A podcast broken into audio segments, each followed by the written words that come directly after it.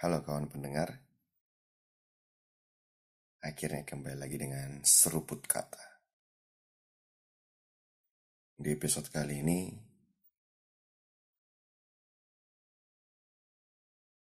seruput kata coba untuk mengeluarkan isi pikirannya. Mungkin akan ditemukan bahasa yang kurang pas tapi itulah yang dirasakan oleh saya dan saya tuangkan dalam episode kali ini. Oke, jangan tunggu lama lagi. Mari kita dengarkan.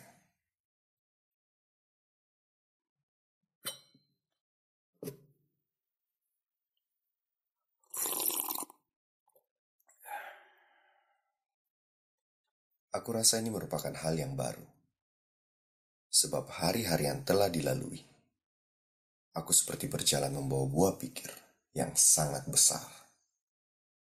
Kiri, kanan, informasi terus berdatangan bagaikan ombak yang silih berganti, mengikis sebuah tebing di mana tempatku berpijak. Kuhindari dengan melompat menuju tebing di sebelah. Tapi nyatanya, Aku tak bisa menghindari ombak itu.